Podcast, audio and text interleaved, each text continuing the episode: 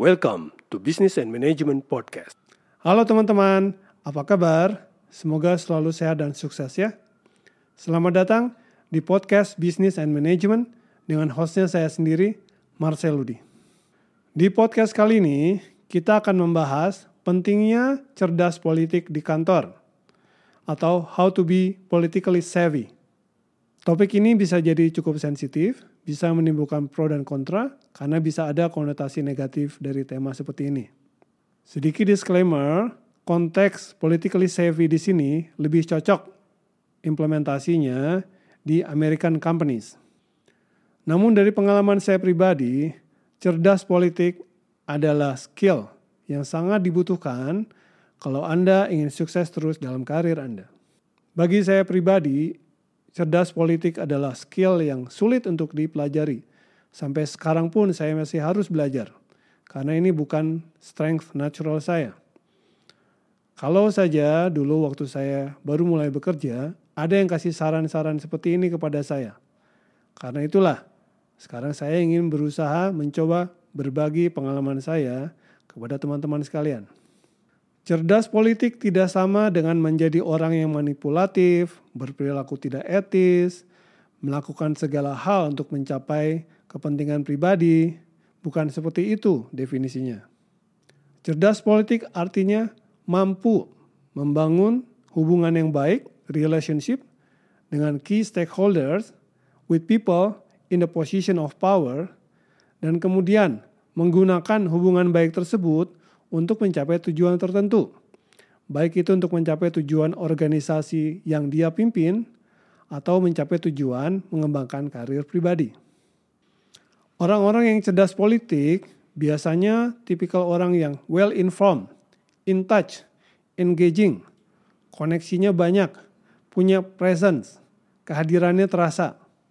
Yang paling penting dari skill cerdas politik adalah mampu mempengaruhi orang lain terutama orang-orang yang punya power untuk mencapai tujuannya, baik itu mencapai tujuan organisasi yang dia pimpin atau untuk tujuan mengembangkan karir pribadi dengan cara yang etis. Coba perhatikan senior manajemen di kantor Anda, senior-senior leader Anda, orang-orang yang punya power sampai tingkat yang paling tinggi. Mereka adalah orang-orang yang punya skill cerdas politik karena dibutuhkan skill seperti itu untuk mencapai posisi yang mereka capai sekarang. Saya coba kasih contoh skill cerdas politik di lingkungan suatu kantor. Menurut Anda, siapa yang powernya paling besar di kantor Anda? Apakah presiden direkturnya atau CEO-nya? Ya mungkin ya, dari segi power yang formal, power di atas kertas. Yang sebenarnya punya power informal paling besar di kantor adalah sekretarisnya CEO adminnya presiden director. Karena beliaulah yang didengar kata-katanya oleh sang CEO. Sang admin lah yang mengatur jadwal sehari-hari, termasuk travel plan-nya sang presiden director. Manajer yang cerdas politik akan membangun hubungan yang baik dengan sekretaris CEO-nya, tentu dengan cara yang tulus dan etis. Dari sini, manajer yang cerdas politik tersebut bisa mendapatkan akses kepada sang CEO, orang paling powerful di kantornya. Kalau meminta jadwal one on one dengan sang CEO, dia bisa mendapatkan prioritas. Dia bisa tahu ngobrol-ngobrol dengan sang sekretaris. Hari ini moodnya seperti apa sang CEO. Sehingga bisa mencari angle komunikasi yang terbaik. Lalu kalau ada travel plan, business trip, let's say ada market visit, mungkin bisa juga minta supaya flightnya dijadwalkan bersama sehingga bisa ngobrol-ngobrol di airport atau bahkan di pesawat sendiri.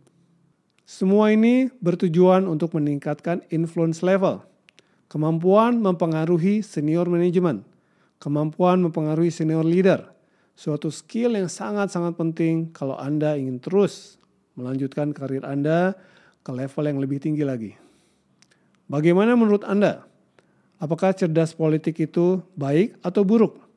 Apakah ini skill yang penting untuk menunjang karir Anda atau tidak? Silakan tulis pendapat Anda di kolom komen di bawah. Kalau Anda merasa mendapatkan manfaat dari podcast ini, silakan klik like and subscribe. Jangan lupa share kepada teman-teman Anda sehingga semakin banyak lagi yang mendapatkan manfaat dari podcast ini. Terima kasih banyak. Sukses selalu. All the best.